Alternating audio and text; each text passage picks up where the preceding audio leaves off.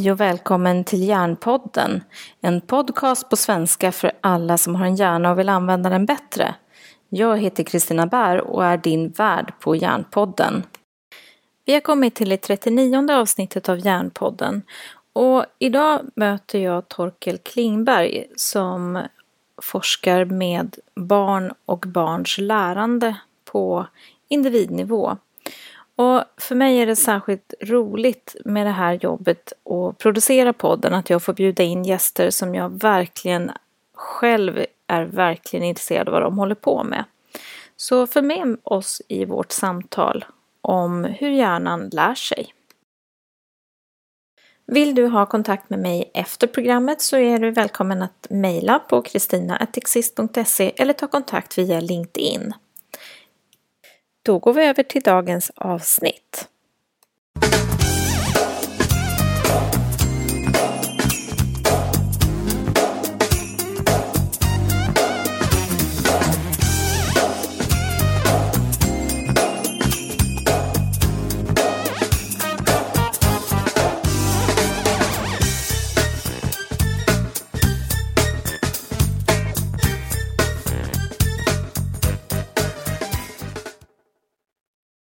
Hej och välkommen till Hjärnpodden. Idag har jag fått med mig en av mina stora favoriter när det gäller lä lärande och hjärnan, nämligen Torkel Klingberg. Och Torkel har skrivit två böcker tidigare, Den översvämmande hjärnan och Den lärande hjärnan som är värda att läsa med stor behållning. Och nu är Torkel aktuell med en ny bok som heter Hjärna, gener och jävlar anamma. Eh, välkommen Torkel! Tack så mycket. Berätta, vem är du och vad har du för bakgrund? Jag eh, jobbar som forskare på Karolinska institutet eh, och området som vi håller på med kallas för Developmental Cognitive Neuroscience. Alltså blandning mellan psykologi och hjärnforskning med särskilt fokus på, på utveckling. Mm.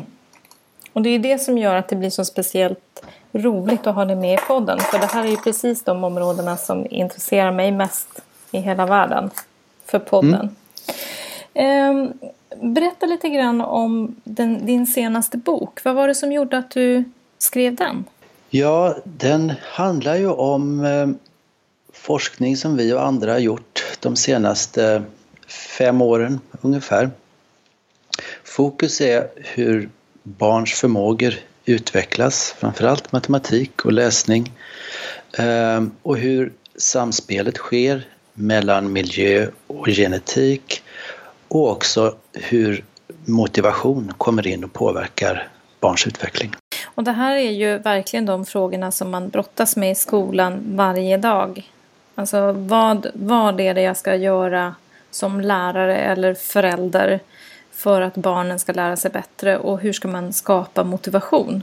Går det? Boken handlar i stora drag om tre saker när jag läste den. Som, om, du får rätta mig om jag har fel, men jag, jag såg tre stora teman. Mm. Eh, och det var läsinlärning, matteinlärning och motivation.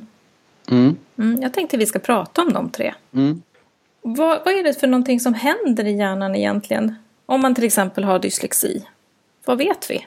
Ja, man har tittat på bilder av hjärnan där man kan se avvikelser i hur vissa språkområden aktiveras. Man kan se avvikelser i kopplingarna mellan olika språkrelaterade områden, alltså i den vita substansen här. Och eh, man vet också att det finns vissa gener som har associerats till dyslexi och att överlag eh, så finns det en ganska stark eh, genetisk koppling eh, till lässvårigheter har man sett från sådana här tvillingstudier. Mm. Ehm, den beskrivning som jag gör det är att titta på läsutveckling inte som antingen normalt eller avvikande utan snarare som en en normal variation. Mm. Att barn skiljer sig i sin, sina förutsättningar att läsa lära sig läsa. Eh, en del är lite snabbare, en del är lite långsammare och att man kan se att, att det mesta av det som vi kallar för dyslexi, det är nog barn som helt enkelt befinner sig i ena kanten här i, i den här gråskalan och, och har särskilt stora svårigheter och det går särskilt långsamt för dem att, att göra de här kopplingarna. Mm. Så att det innebär ju också då om det är en säga, normalfördelningskurva på något sätt och att barn med dyslexi ligger i ena kanten eller de som uppfattas ha dyslexi ligger i ena kanten. Ja. Det, det, du säger egentligen är att det är aldrig kört. Ja, alltså det är ju ett sätt att se på det. Vi, vi föds alla utan förmåga att kunna läsa eller förstå siffror. Mm. Så att det krävs träning och det krävs att vi knådar om hjärnan genom åratal av träning. Så mm. det här är en väg vi alla måste vandra, det är bara det att en del vandrar den lite fortare och andra lite långsammare. Mm. Och då tänker jag det, det som på något sätt liksom pratas om mycket i skolan från insidan av skolan det är ju det här om man har en dyslexi så, så får man väldigt mycket hjälpmedel. Mm. Vad tänker du om det? Ja, eh, det är väl bra. Eh, jag tror att, att det gäller att inte de här diagnoserna skapar en, en känsla av eh, ett permanent eh, obot, ohjälpbart fel utan att man har en eh, betonar förmågan att kunna förändra sig. Eh, och det här har vi sett i eh, amerikanska studier av olika typer av träning, att de här barnen kan komma upp i ett normalintervall men det krävs ganska mycket träning. Eh, det kan handla om till exempel ehm, i vissa studier fyra extra timmar i veckan i, i, eh, i tio veckor. Mm. Eh, eller 20 veckor, mm. det vill säga 80 timmars träning ungefär. Så det krävs ordentligt med, med tid och ansträngning. Mm. Och det är specifik lästräning då som man behöver träna de här 80 timmarna? Så att säga. Det här var exempel från, från amerikanska studier där man mm. använt sig av datoriserade hjälpmedel för att eh, träna barnens eh, läsförmåga. Mm. Spännande. Den studien, var den gjord på någon speciell åldersgrupp eller spelar det någon roll när man börjar med den här träningen?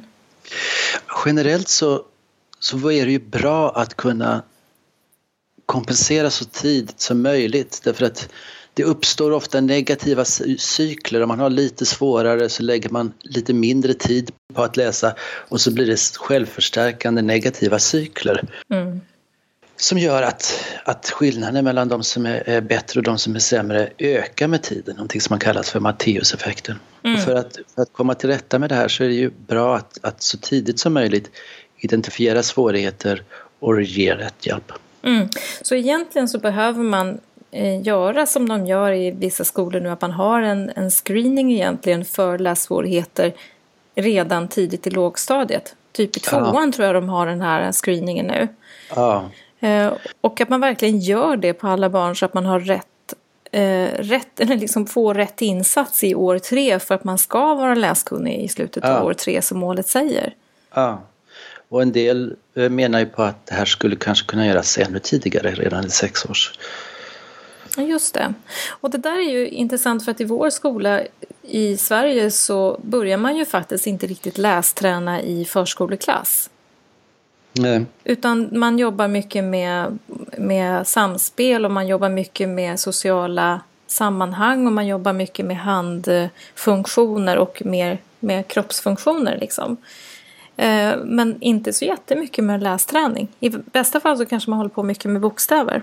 Men inte så mycket med själva ordbilder och ord.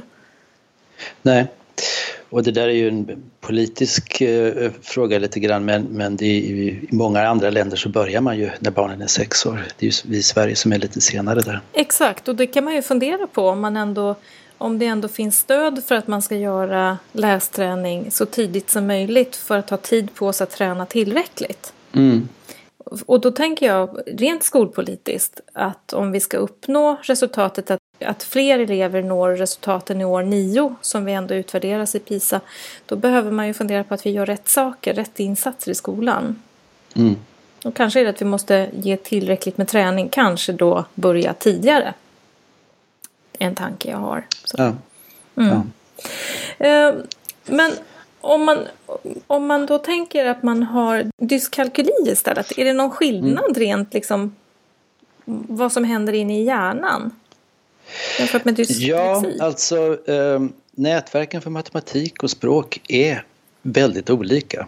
Eh, men principerna eh, skulle jag vilja säga är, är, ganska lika, det vill säga att jag ser inte heller dyskalkyli som en, en separat grupp utan återigen så är det en, en normal spridning, en gråskala i de som har lite lättare för att lära sig de här eh, symbolerna och de som har svårare. Mm. Det här har man sett då när man tittar på genetiken också att visst, det finns en viss genetisk eh, koppling här men den är inte annorlunda för, för personer med dyskalkyli jämfört med normal spridning på matematikförmåga. Så det, det verkar vara ett grått, eh, gråskala här också, alltså en, en normalfördelning helt enkelt. Mm. Och, och, det innebär ju precis det du säger också då att, att här behövs det också mer träning om man nu har svårt med matematik. Ja, vi har ju eh, undersökt matematikträning då och eh, utformat eh, för att göra det här utformat ett träningsprogram baserat på, på vad man nu anser vara eh, den bästa kunskapen och den bygger på att barn använder en tallinje för att lära sig både tals betydelse men också addition och subtraktion. Mm. Och det fina med det är att det, det ger en koppling mellan tals värde och en plats i rummet, alltså spatiell uppfattning och matematisk uppfattning är nära kopplade. Det finns en naturlig koppling här och den bör man bygga på då. Mm. Så därför har vi utvecklat det som senare också blev en, en app som vi nu har släppt som kallas för, för Vektor. Mm. Eh, med hjälp av en, en um, icke vinstdrivande stiftelse. Mm. Och det här har fungerat uh, väl ser vi. Det här, uh, och, men en, en av de sakerna som var förvånande som vi såg hos de här barnen när de tränar är att det var så stor spridning mellan hur fort de lär sig de här övningarna. Så även om det var en ny övning som ingen tidigare hade stött på så är det trefaldiga skillnader mellan de som lär sig snabbare och de som läser långsammare. Återigen, det här är, är, kan tyckas orättvist då men, men eh, det som man ska ta till sig då är, är, att man skulle kunna kompensera det här genom mer tid. Då. Eh, precis mm. som med, med lästräningen så, så, kan hastighet delvis kompenseras genom tid. Mm. Och jag tänker lite sådär att, att eh, svenska läroplanen är ganska eh, fyrkantig med antal timmar som man ska ha i olika ämnesområden. Ja. Eh, alltså alla barn ska ha si och så många timmar svenska och si och så många timmar engelska och matte och så. Mm. Och det är ja. kanske där någonstans som man behöver fundera på vad man behöver träna på i specifika fall. Ja, det, det tror jag också. Um, och det är ju jättesvårt att kunna ha en, en och samma undervisning till 25 barn. Mm. Um, en, ett hjälpmedel här för lärare eh, och som jag tror på för framtiden är ju dataprogram och digitaliserad, eh, trä, digitaliserade träningsprogram för att kunna möta den stora variationen i, i barns lärande. Mm.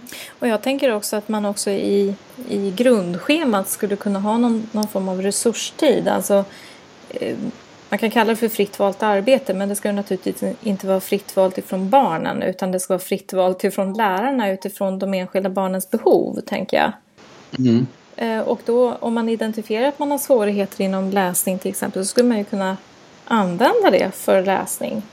Mm. Istället då för att man har exakt samma schema för det innebär ju precis som du säger att man undviker det som man tycker är svårast och så fortsätter man att jobba med det man tycker man är bättre på. Ja, vilket i det långa loppet då kan bidra till gradvis ökade skillnader. Mm. Ehm, det finns mindre data för, för matematik men i, vad det gäller läsvanor då så ser man ju att det här kan, kan skilja sig tiofalt i hur mycket barnen läser sen. Mm, just det. Och där finns det ju, varje sommar så kommer det ju alltid ut sådana här eh, artiklar i tidningarna om att just sommarläsningen förstärker skillnaden mellan läsande barn och icke läsande barn ännu mm. mer. Mm. Det kan jag tänka mig. Jag har sett liknande siffror. Ja. ja.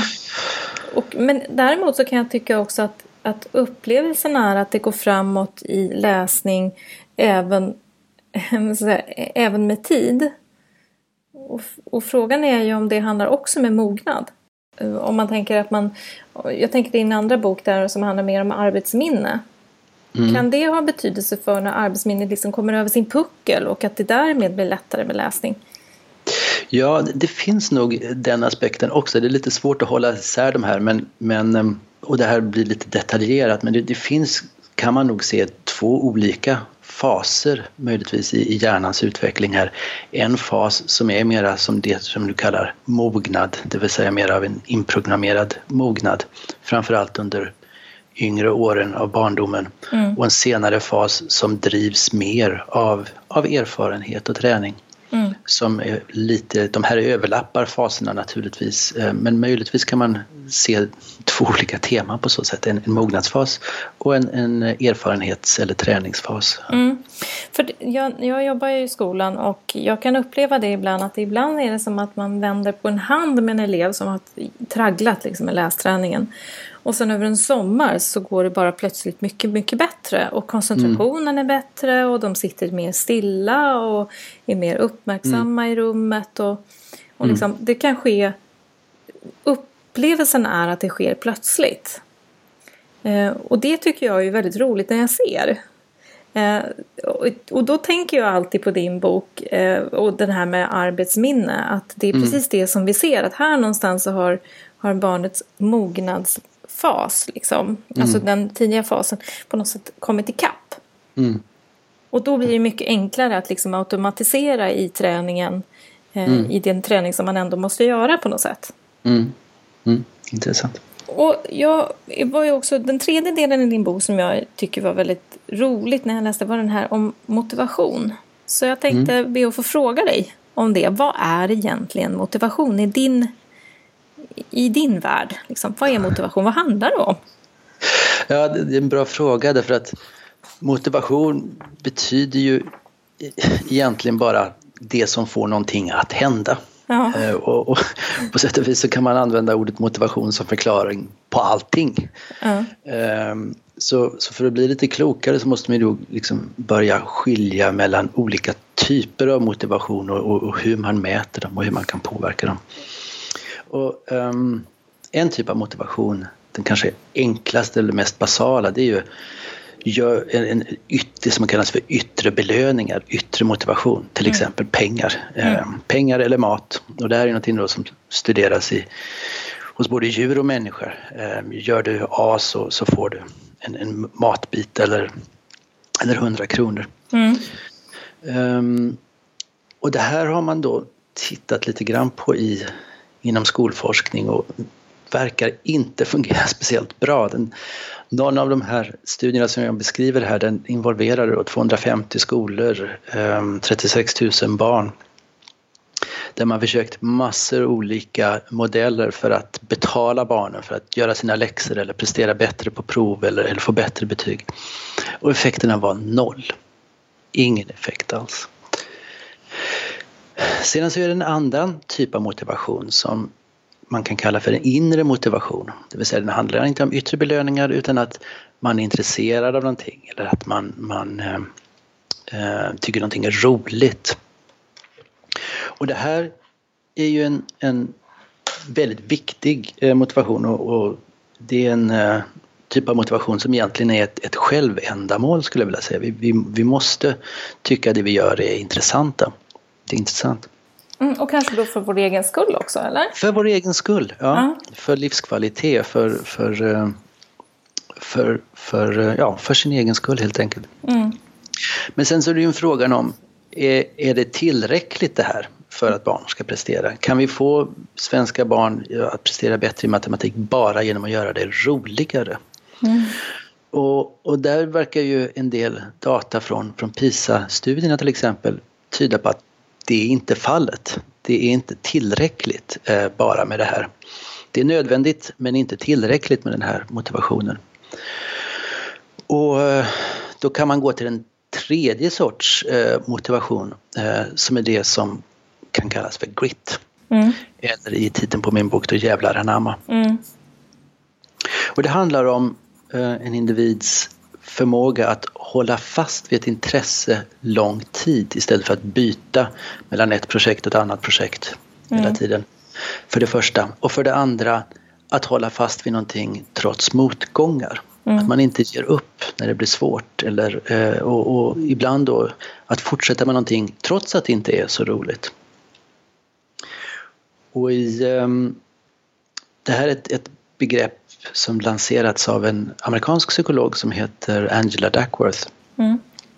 Som vi blev intresserade av. Vi hade gjort massor med studier där vi försökt titta på, eh, på både belöningar som motivation eller, in, eh, eller inre motivation men inte hittat några starka samband. Och så eh, prövade vi det här begreppet grit och, och, och, plötsligt så kunde vi se att det här var relaterat till barns lärande. Mm. Och är det det som man skulle kunna... Jag tänker på en annan forskare som har tittat på det här med eh, eh mindset, Carol Dweck. Mm. Eh, hon har ju tittat på mindset och hur man kan jobba med, med barns mindset för att få dem att prestera bättre. Ser du en koppling med Angelas forskning? Mm. Jag tror att det är väldigt, en väldigt nära koppling mellan de här två. Det är mm. naturligtvis olika saker men, men de är beroende av varandra. Um, rent statistiskt så kan man ju se att, att personer med mer flexible mindset har mer grit. Eh, vilket är naturligt på sätt och vis därför att du anstränger dig inte om du inte tror att det kan ge resultat. Mm, just det. Utan du, du ger bara... upp om du får motgångar på ett annat sätt. Ja precis, om, om du har ett mer statiskt mindset så säger du nej men jag är dålig på matte. Eh, men har du ett flexibel mindset så säger du eh, att, att så tror du på att du kan bli bättre på matte genom att träna dig och eh, det bidrar till att du, du blir mer uthållig, ihärdig, att mm. du visar mera grit. Mm. Och det intressanta med mindset här då är att det kan, har Carol Dweck och andra visat att det kan påverkas baserat på vilken feedback barnen får eh, och, och olika typer av instruktioner. Mm. Och där tänker jag det här ordet som hon använder mycket eh, att man inte kan det ännu, eller yet mm. då på engelska. Ah. Eh, you're not there yet. Mm. Eller du kan det inte ännu. Att det är så viktigt. Men att man ändå liksom ändå på något sätt noterar att man är på väg. Och... Ja, det är ju precis, knyter ju an till det vi pratade om tidigare om, om både läsning och matematik som en väg som man måste vandra. Liksom. Mm, och det har ingen återvändo. Liksom. Ska man bli ett läsande barn så måste man fortsätta träna. Även om det är uppförsbacke och att det är orättvist. Mm. För där tror jag också är viktigt liksom att förstå att det är orättvist vilka begåvningar vi får. En del är jätteduktiga på att springa snabbt Andra är jätteduktiga på att simma medfött. Men andra måste träna för att uppnå samma förmåga. Mm.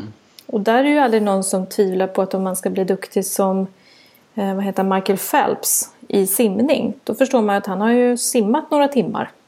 Mm. För att göra det. Han är ju inte född eh, världsmästare i simning. Mm. Utan mm. det är ju någonting han har jobbat med jättemycket och tränat trots motgångar. Eh, och då kommer vi in på den här jättespännande saken som du tar upp i din bok också. Det här med 10 000 timmars myten. Ja. Berätta om den. Ja, det här är ju um, någonting som ursprungligen kommer från en, en, en psykolog som heter uh, Anders Eriksson. Svenskättlad men, men amerikansk psykolog som lagt fram den här hypotesen att 10 000 timmars träning det är vad som är både nödvändigt och tillräckligt för att du ska bli expert på någonting. Mm. Så han um, avfärdar ju um, tal om att det skulle finnas något som talang till exempel. Det är mm. det han argumenterar emot. Mm. Och det här har populariserats sen framförallt i Malcolm uh, um, Gladwell va? Malcolm Gladwells böcker Outlier mm. till exempel. Uh, och i många flera böcker. Men det här verkar ju inte stämma med, med det som som vi till exempel såg i våra studier av, av barn som tränar matematik. Och det finns eh, andra studier på longitudinella studier på barn som lär sig läsa. Där ser man också eh, kanske trefaldiga skillnader mellan hur fort det går. I, i studier på de som blir expert på schack till exempel. Där, mm. finns, där kan man ju mäta hur många poäng man har så det, det, det, det är väldigt bra forskningsmässigt. Och då kan man titta på hur många timmar behöver man träna då för att bli eh, stormästare som de kallar det, mm. vilket är en form av expert. Och I de studierna så har de visat då att ja, i genomsnitt kanske 8000 timmar, men det skiljer sig ganska mycket. En del klarar av det på bara 3000 timmar. Andra tränar 20 000 timmar men blir inte stormästare. Så återigen, de här 10 000 timmarna är varken nödvändiga eller tillräckliga. Mm. Och man kan se det på fysisk träning också. Även om du tar en grupp människor, sätter dem på motionscyklar och låter dem träna exakt lika mycket genom att mäta deras eh, puls så reagerar kropparna olika på den här träningen och det är en trefaldig skillnad i hur mycket de ökar sin, sin syreupptagningsförmåga. Så vi måste nog ta hänsyn, erkänna och ta hänsyn till att, att individer skiljer sig åt. Ja, och, och det där tänker jag är ju väldigt spännande för jag, jag vet att man har ju samma utbildningslängd på i princip allt från förskola till eh, ja, högskola och så och forskning och sånt där. Man räknar liksom att det är tiden som avgör om man är framme eller inte. Mm. Men en del, till exempel skolbarn då, som, som vi brukar säga har någon form av särbegåvning som är snabbare. De är ju liksom färdiga med, med mattekursen efter en termin. Ja. Och det är ju det du tar upp nu, det är ju, det är den andra sidan av den här normalfördelningen. Ja. Och, och, den tycker jag också förtjänar mer uppmärksamhet än den har fått hittills. Vi, vi, måste, vi måste tillgodose de barnen där det går lite fortare också, se till att de fortsätter att vara stimulerade och att också de får utveckla sin fulla potential. Mm, för att annars så tappar man ju faktiskt motivation. Ja. Eh, och det här tycker jag är viktigt att du säger också, det här att, att det faktiskt nu finns eh, forskning som visar att det är en trefaldig skillnad. Och då kanske det är så att vi behöver anpassa så att man får jobba mer med de saker som vi måste ikapp till någon form av miniminivå i alla fall. Mm. Eh, men också se till att man får gå vidare i de områden där man är duktig. Där man ja. känner att man kan utvecklas och verkligen nå någon form av ja, excellens eller vad man nu ska kalla det för. Eller mm. bli världsmästare i simning då som Michael Phelps om man nu, om man nu vill det. Mm. Eh, för att det här är ju någonstans vi kan inte tro att alla är stöta i samma form och det gäller både koncentration och det gäller social förmåga och det gäller också våra teoretiska begåvningar. Mm. Vi är olika och det är väl det som är så spännande tänker jag med att vara människa och en hjärna. Mm.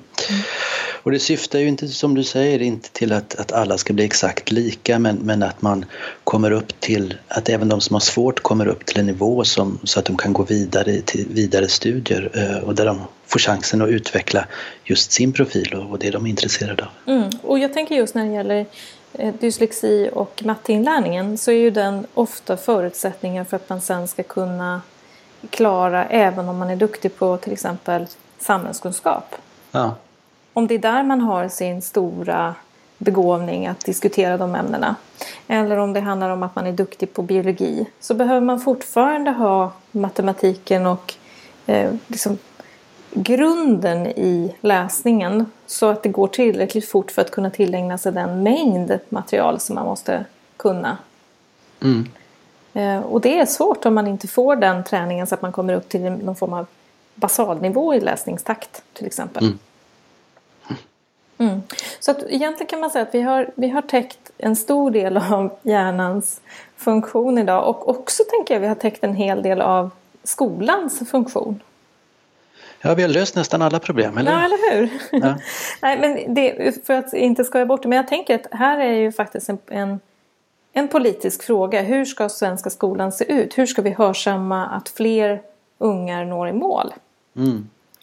Och det är ingen som säger att det här är lätt och, och det som eh, jag studerar och skriver om är ju på, på en eh, på en grundläggande nivå. Det handlar om individens lärande, om hur hjärnan fungerar och, och, och, individens motivation. Sen så finns det ju andra nivåer som handlar om hur lärarna organiserar undervisning och sin dag, hur, hur skolan organiseras och ovanpå det en politisk nivå. Så att ingen säger att det här är lätt men, men eh, alla får väl försöka dra sitt strå till stacken på, inom sitt kompetensområde det är väl det jag försöker göra med den här boken. Precis, och det jag tänker är att vi kan inte tro att det bara finns en sanning utan vi kommer in med olika professioner och lägger ett gemensamt pussel.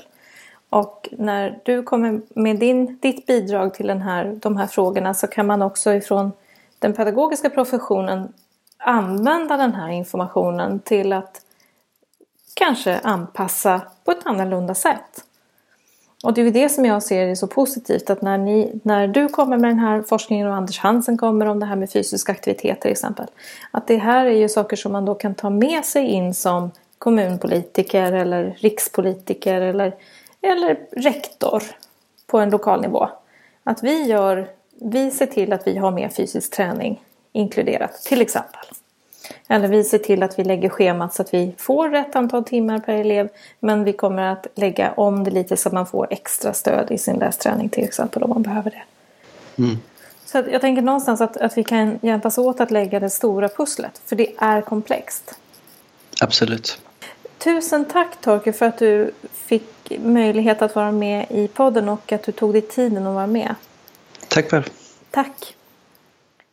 Du har lyssnat på det 39 avsnittet av Järnpodden och idag har vi pratat med Torkel Klingberg. Du når Torkel på klingberglab.se och är du intresserad av Vektor-appen som Torkel pratar om i eh, programmet så finns den på cognitionmatters.org. Och som vanligt så hittar du alla de här länkarna på poddens eh, programsida och på exist.se under poddens sida. Vill du ha nyhetsbrev ifrån exist.se så går du in på hemsidan och anmäler dig för nyhetsbrev där. Och som vanligt, vill du ha direktkontakt med mig så skickar du ett mejl till kristina.exist.se. På återhörande i Järnpodden.